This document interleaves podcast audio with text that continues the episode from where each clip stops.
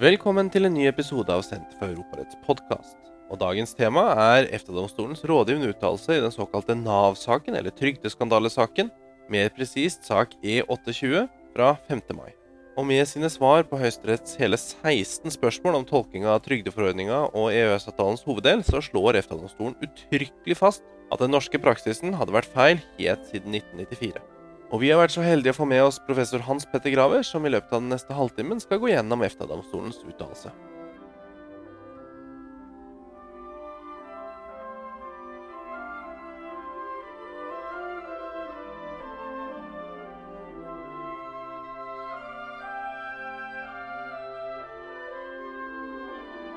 Da tenker jeg egentlig at vi setter i gang. Det ser ut som det er en del folk som, har, um, som er klare for uh, å høre på deg, Hans Petter. Du skal jo innlede om uh, EFTA-domstolens rådgivende uttalelse i Nav-saken. Um, jeg tror bare jeg gir ordet til deg, og så blir det rom for diskusjon uh, etter din innledning. Da går jeg i gang, og da, da starter jeg litt først med bakgrunnen her. Uh, som uh, jo er kjent, men som jeg syns uh, det er greit å plassere også den juridiske diskusjonen i en kontekst. og da tar jeg dette fra, fra blindsonerapporten, sånn at disse tallene er kanskje litt utdatert, men det er vel ikke så farlig. så de er jo per juli 2020. og Minst 1100 personer anslo Nav da var rammet av urettmessig tilbakekreving av ytelser pga. feiltolkninger i perioden etter 1.6.2012. Så de kartla altså bare tiden frem til 2012. mens mens eh, saken og EFTA-domstolens uh, uttalelse dreier seg jo om perioden helt tilbake til 1994, bare så vi er klar over det. Uh, dimensjonene i dette med urettmessig tilbakekreving de øker jo litt når vi tenker på den situasjonen som mange av disse var i. Altså det er trygdemottakere. Mange er selvfølgelig sikkert uh, ressurssterke og har vært uh, syke, men ellers har god økonomi. Men mange av dem vil også være personer som uh, dette har vært en stor belastning for økonomisk også. I gjennomsnitt er det krevd tilbake 92 000 kroner, ja det går jo på dette. Og så kanskje det mest alvorlige, det er jo at ca. 89, 89 straffedommer anslo påtalemyndigheten i juli 2020 heftet rettsanvendelsesfeil ved, hvis man la til grunn den tolkningen som, eh, som Nav da la til grunn, og som, som departementet og regjeringen la til grunn, nemlig at praktiseringen etter 1.6.2012 eh, hadde vært feil. Eh, og at det det er vel ca. et femtitalls fengselsstraffer som er inni dette bildet. Nå er det jo sikkert i mange av de sakene flere forhold, så dette er ikke den eneste grunnen til at folk har fått fengsel, men i en del av sakene så er jo også det tilfellet. Så dette er etter mitt syn en, en rettsskandale av betydelige dimensjoner. Den har pågått over lang tid, den har rammet mange, og det har Eh, vært, det er vel alle enige om, eh, resultat av anvendelse av regler som etter norsk rett ikke var gyldige. Og dette burde selvfølgelig vært oppdaget. Eh, det som Blindsone-rapporten, eller Arnesen-utvalget, skrev, det var at Nav har over mange år praktisert folketrygdlovens krav til opphold i Norge for mottakere av sykepenger, pleiepenger og arbeidsavklaringspenger i strid med trygdeforordningen. Eh, og øvrig EØS-rett. Nav har hovedansvaret for feilpraktiseringen. Samtidig har Arbeids- og sosialdepartementet, Trygderetten, påtalemyndigheten, advokater og domstolen og akademia et betydelig ansvar. En fellesnevner er at ingen har viet tilstrekkelig oppmerksomhet til konsekvensene av EØS-retten, særlig etter innlemmelsen av den nye trygdeforordningen i EØS-avtalen. Eh, dette går litt utenpå igjen akkurat uh, de EØS-rettslige spørsmålene. Uh, men jeg syns det er grunn til å fremheve det som Finn og hans gruppe uttalte her, og kom til etter sin grundige gjennomgang, nemlig at her ligger ansvaret på så å si alle, alle ledd, også, også, i akademia, og også helt opp til Høyesterett, altså rettsapparatet. Så, så dette her er ikke en Nav-skandale sånn sett. Det er en, en rettsskandale knyttet til EØS-retten mer generelt. Hva er det da som er uh, Skal vi se, nå var det litt rart her, for nå er det så mye som uh, kom inn på skjermen, min, så jeg ser ikke min egen powerpoint. Men jeg kan flytte litt på disse. ja. Det, det, som jo vi kan si på grunnlag av dette, det er at tiden etter 2012 er vel egentlig lite kontroversiell. Det konstaterte allerede eh, statsråden veldig kvikt etter at dette ble kjent. Og det er vel enighet i eh, Arnesen-utvalget, og det er vel ingen som eh, seriøst har tatt opp at den lovgivning og de rundskrivene og den praktisering vi hadde, var i strid med forordning 883 fra 2004, altså den gjeldende trygdeforordningen. Det var jo litt spørsmål der om Eh, dels dette bor eller oppholde seg, det var jo det som eh, Nav var inne på. Om man kan si at man oppholder seg et sted hvor man eh, bare er rent kortvarig og besøker som turist. Det var etter mitt syn ganske opplagt, opplagt feil å, å, å, tenke slik. Og så er det jo dette forbeholdet om lovgivningen den anvender, som vel staten også prosederte på for EFTA-domstolen. At det betyr jo da at man kan anvende den lovgivningen man ønsker at forordningen åpner for det. Men, men, det er vel rimelig klart at den lovgivningen ikke kan negere retten etter artikkel 21. Det er vel ikke det som er meningen med det, at man skal gi en, kunne gi en lov som rett og slett sier at et medlem øh, kan ikke, opp, kan ikke, ha rett til trygdeytelser hvis de bor eller oppholder seg i en annen medlemsstat. Det, det forbeholdet sikter på, er vel vilkårene for å få de forskjellige trygdeytelsene. Altså at, at, man må være syk, eller at man må være ufør, eller, eller de betingelsene. Eh, og kanskje også knyttede sidebetingelser. Det kommer jeg tilbake til. Eh, eh, og dette følger jo også av, etter mitt syn, av Tolly-dommen. EF-domstolens avgjørelse der. Så dette kan heller ikke være særlig kontroversielt, etter mitt syn. Ja, det var derfor jeg lurte litt, for disse to uh, transparentene hadde byttet plass. For jeg hadde ventet den først. Uh, det, det, er da spørsmålene fra Høyesterett som de stilte. De behandler jo nå den gjenopptakelsessaken. Og grunnen til at det er Høyesterett som behandler det så kvikt, er jo at det er spørsmål om gjenopptakelse av en dom som i siste instans ble avsagt av Høyesterett. Og da er det Høyesterett som behandler gjenopptakelsesspørsmålet her i første instans. Uh, og det de spør om, er om de to trygdeforordningene, for uh, de byttet jo uh, i Norge i 2012. og det jeg nå har snakket om, er jo denne trygdeforordningen som da gjaldt i Norge fra etter 2012, men som altså ble vedtatt i 2024. og så spurte Høyesterett om fri bevegelse av personer, og etter artikkel 28 og unionsborgerdirektivet og så spurte de om den passive tjenestefriheten etter artikkel 36. Og det er jo de spørsmålene da EFTA-domstolen går igjennom. Uh, før 2012 Jeg går ut fra at det er ikke så interessant å diskutere tiden etter 2012. Før 2012 uh, så er det jo forskjellige alternativer som uh, kan gjøre at denne praktiseringen var i strid med EØS-reglene. Eh, for det første så er det jo spørsmål om eh, rådets, eh, den tidligere trygdeforordningen. Og for det andre så er det spørsmålet om fri bevegelighet av personer, altså artikkel 28 og regler knyttet til den. Og for det tredje så er det spørsmålet om fri bevegelighet av tjenester. Og jeg tror det er grunn til å understreke at disse alternativene de er alternative. De er ikke gjensidig utelukkende. Det kan jo godt tenkes at praktiseringen har vært i strid med både forordningen og reglene om fri bevegelighet av personer og fri bevegelighet av tjenester. Eh, så det betyr jo, Men det kan også tenkes at det er i strid med noen av dem, men ikke de andre. Så Det betyr jo f.eks. ikke, sånn som kanskje noe har hevdet, at hvis det ikke rammes av fri bevegelighet av personer, så kan det heller ikke rammes av tjenestereglene. Det mener jeg er eh, nokså opplagt. At man kan ikke tenke sånn at fri bevegelighet av personer er knyttet til økonomisk aktive personer, for å si det grovt.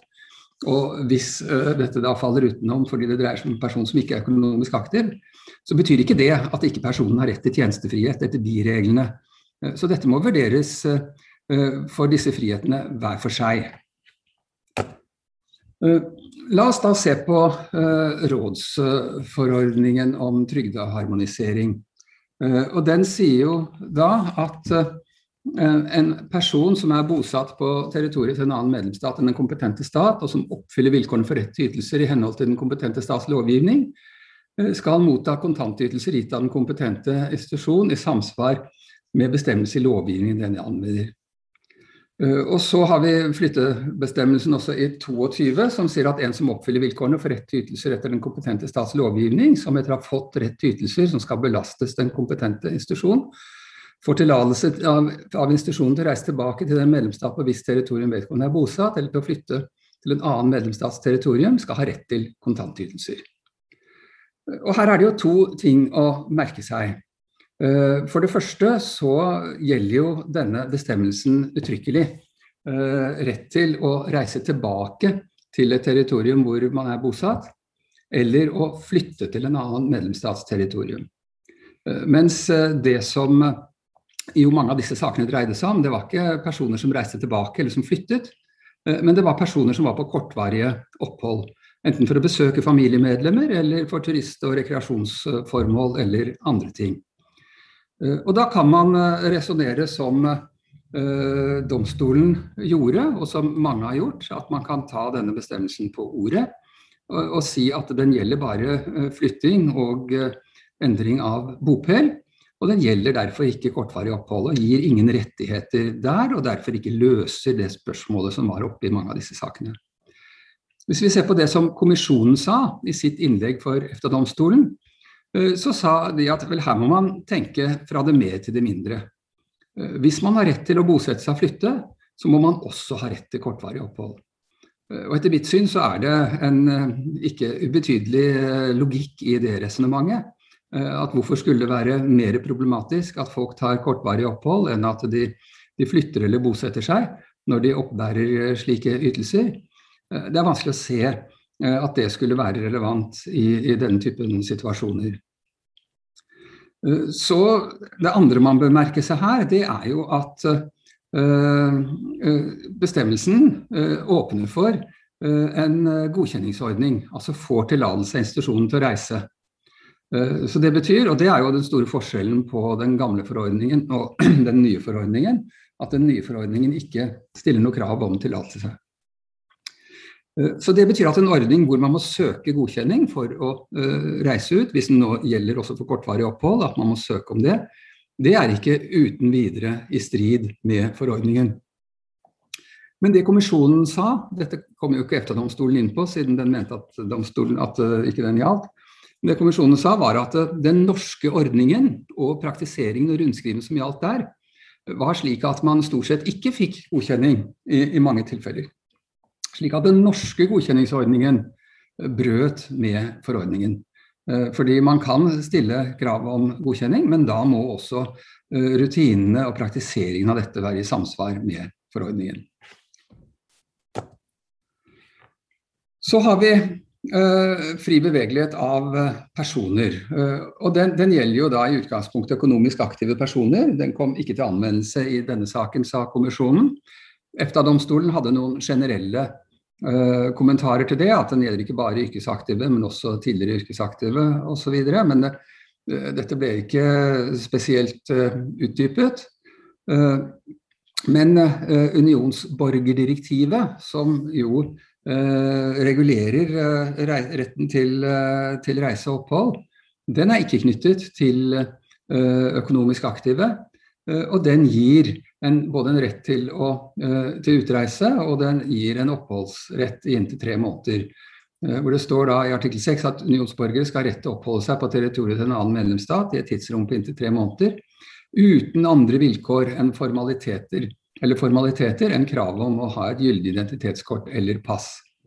Uh, det er også en nokså ubetinget rett til utreise, men den må etter mitt syn tolkes innskrenkende. fordi det er klart at man av en rekke grunner, bl.a. straffeforfølgning, gjeldsforfølgning og andre ting, kan eh, stille begrensninger der. Sånn at utreise er én ting, eh, rett til å ta opphold er en annen ting. Og eh, rett til å ta opphold, det, den rettigheten, er i hvert fall problematisk sett opp mot den praktiseringen og den lovgivningen vi hadde. Og dette var også bare en videreføring. Man kan si vel dette er fra 2004, men det var altså et tidligere direktiv om dette fra 1973, som var del av EØS-avtalen allerede da, da Norge tiltrådte EØS-avtalen, eller da EØS-avtalen ble undertegnet og Norge ble bundet av den.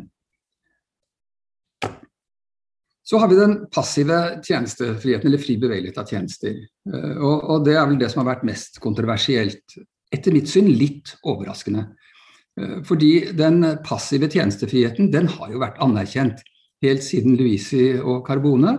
Eh, den gjaldt en type restriksjoner som ikke var så forskjellige fra, fra dette. Den gjaldt jo også retten til å ta penger ut av landet, selv om den dreide seg om valutarestriksjoner.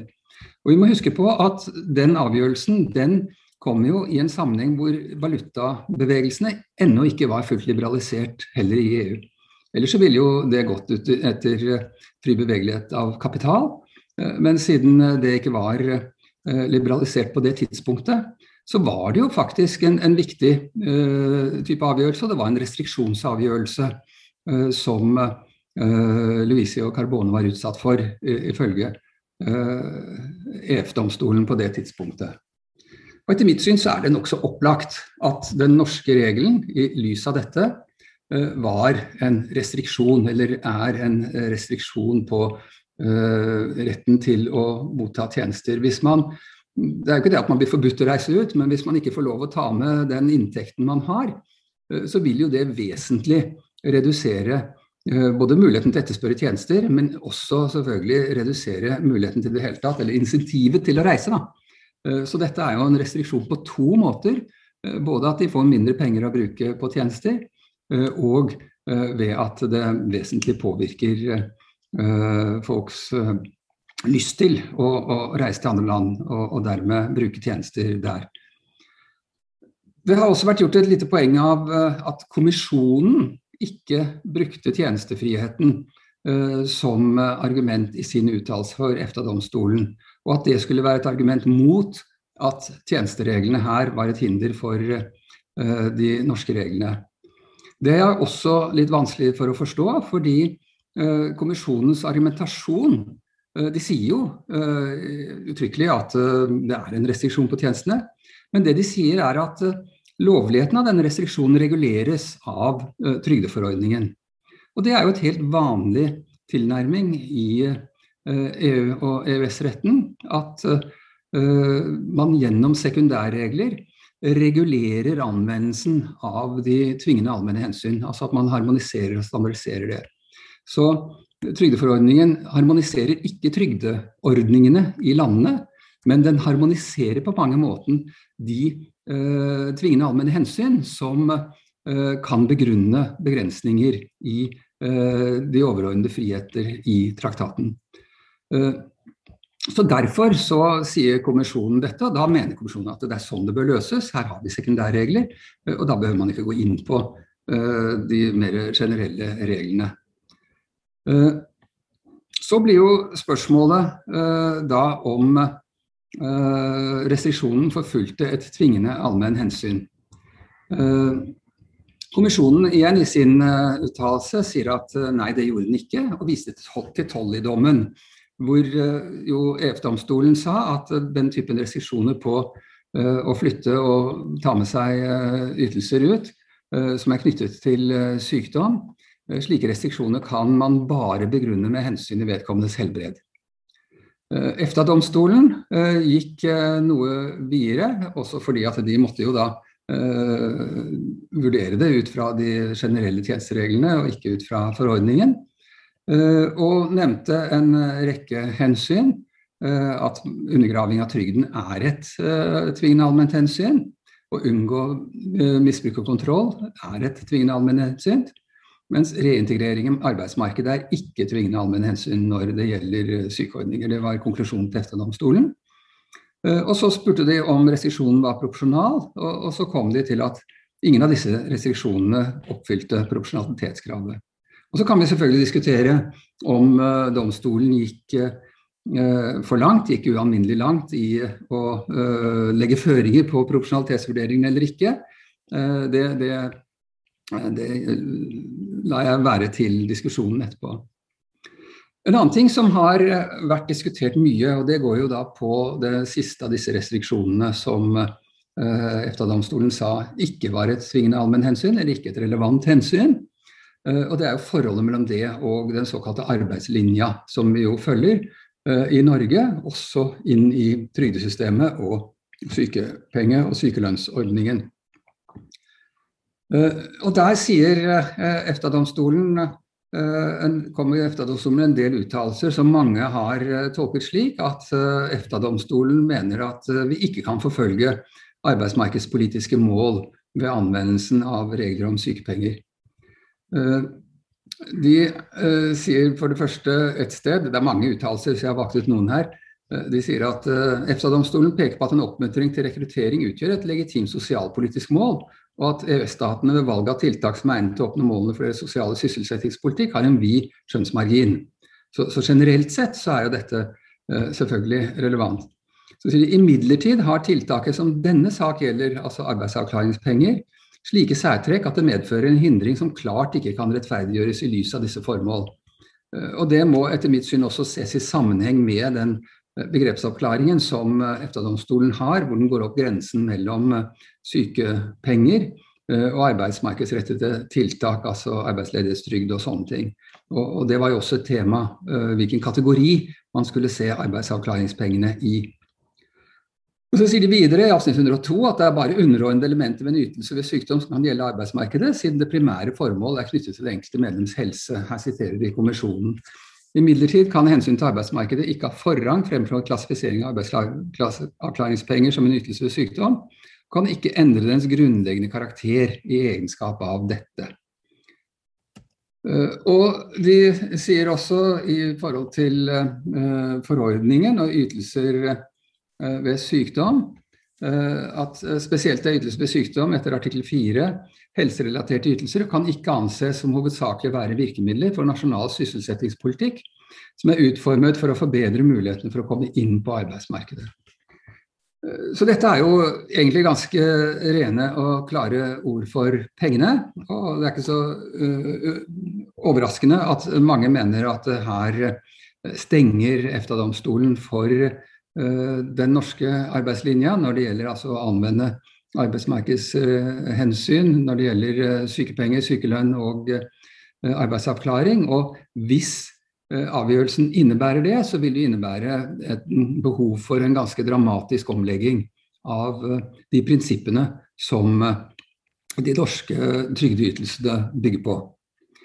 Etter mitt syn så, så kan ikke dommen ses slik. Altså, man, man, kan selvfølgelig si at her er det uklart og man kan tolke på andre måter, men jeg, jeg syns hovedgrunnen til det, det er at uh, EFTA-domstolen her uh, baserer sine uttalelser på uh, en manglende forståelse av hva som ligger til grunn for arbeidslinja. Altså ikke bare en manglende forståelse i betydningen aksept, men i betydningen en kunnskapsmangel om den norske arbeidslinja.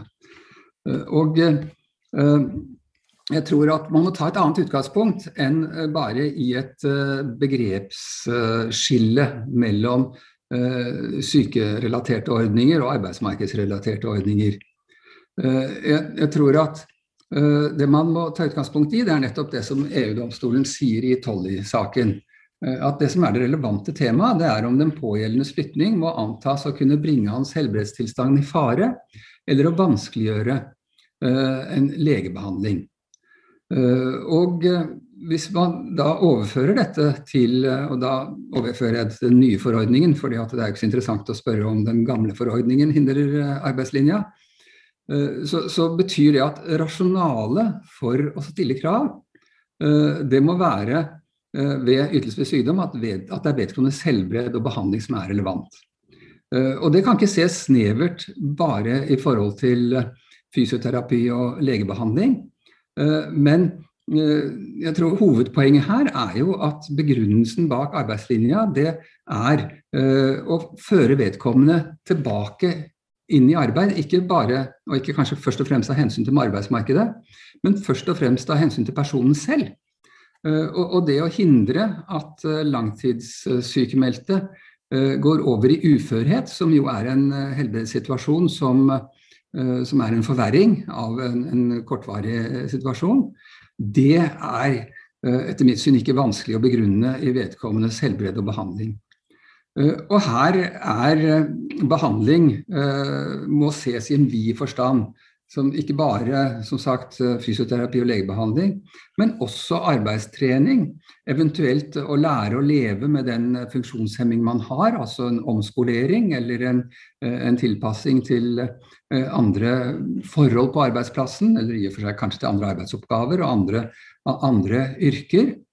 Eh, og det har eh, og, og sammenheng også med de helsebringende effektene det har, og de helseskadelige effektene det har av å være utstøtt fra arbeidsmarkedet.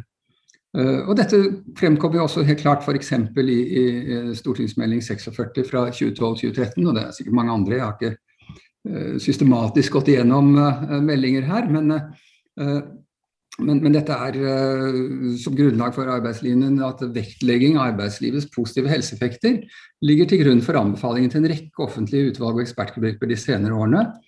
Eh, som f.eks. den faglige ekspertgruppen som eh, i 2010 vurderte tiltak for å redusere sykefraværet. Eh, så konklusjonen min blir da at det kan godt tenkes, eller det er nok sikkert, at den mer unyanserte ordningen som har vært praktisert, hvor man stort sett har gitt avslag, og uten å ha noen konkrete planer for oppfølging, og utelukkende ut fra ubegrunnede kontrollhensyn, og hvor man har eh, forskjellsbehandlet eh, reiser i innenlands og reiser utenlands. Det er jo også en problematikk som EFTA-domstolen slår ned på. Det er nok i strid med, eller det er i strid med EØS-retten. Men en mer nyansert ordning som faktisk da tar arbeidslinjen på alvor, og tar på alvor at man skal føre vedkommende inn i arbeid igjen og forhindre uførhet. Eh, I de tilfellene hvor det er relevant å, å, kreve tilstedeværelse på bestemte steder eller oppfølging på bestemte måter osv., som da igjen vil utelukke at uh, folk uh, reiser langt unna det stedet som uh, de ellers oppholder seg, og det vil jo for de fleste bety at ikke de kan reise til andre land, det vil etter mitt syn fint kunne forenes med både trygdeforordningen og eh, de generelle reglene for fri bevegelighet. Jeg vet at det er mange kunnskapsrike og taleføre personer her, så jeg tror ikke jeg skal bruke mer av tiden på eh, å innlede og snakke om ting som for mange av dere er veldig velkjent. Så jeg, stopper der og tar det med som en innledning til diskusjon.